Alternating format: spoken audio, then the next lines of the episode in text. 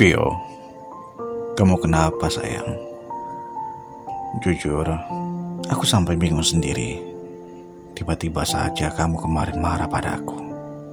Sumpah, aku harus apa Vio? Aku di sini sudah jujur semuanya. Apa yang aku katakan adalah benar padamu. Kau tahu, aku tak bisa berbohong padamu karena engkaulah wanita yang aku sayangi. Karena masih saja aku terus merindukanmu di sini, Viola. Dan kamu tahu, aku tak bisa menahan rindu padamu. Ya, tak bisa, Vio. Di mana dengan rindu ini, kamu pernah membawaku ke tempat terindah di hatimu dan menjadikanku seolah raja di sana. Dan aku masih mau kamu hingga saat ini, Viola. Ya Allah, apa yang harus aku perbuat? Viola aku kembali menyebalkan. Bantu aku ya Allah untuk mengubah dirinya pelan-pelan menjadi lebih baik.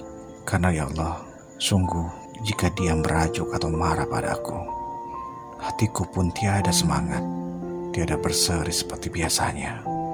Ibarat mentari enggan bersinar. Vio, kamu kenapa Vio?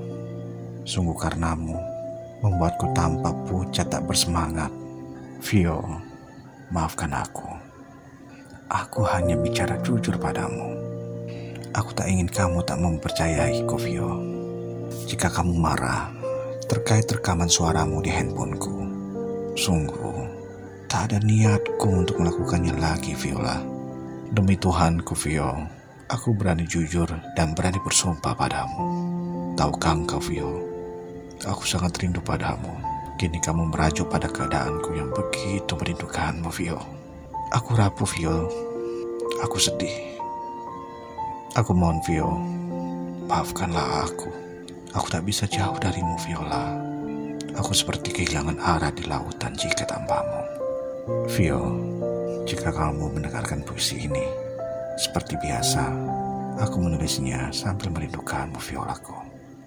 Sambil berdoa, dan memohon kepada Tuhanku, meminta agar gadis pemilik rinduku agar tidak merajuk lagi, meminta agar Violaku kembali tersenyum, tersenyum dan bicara manja kepadaku kembali.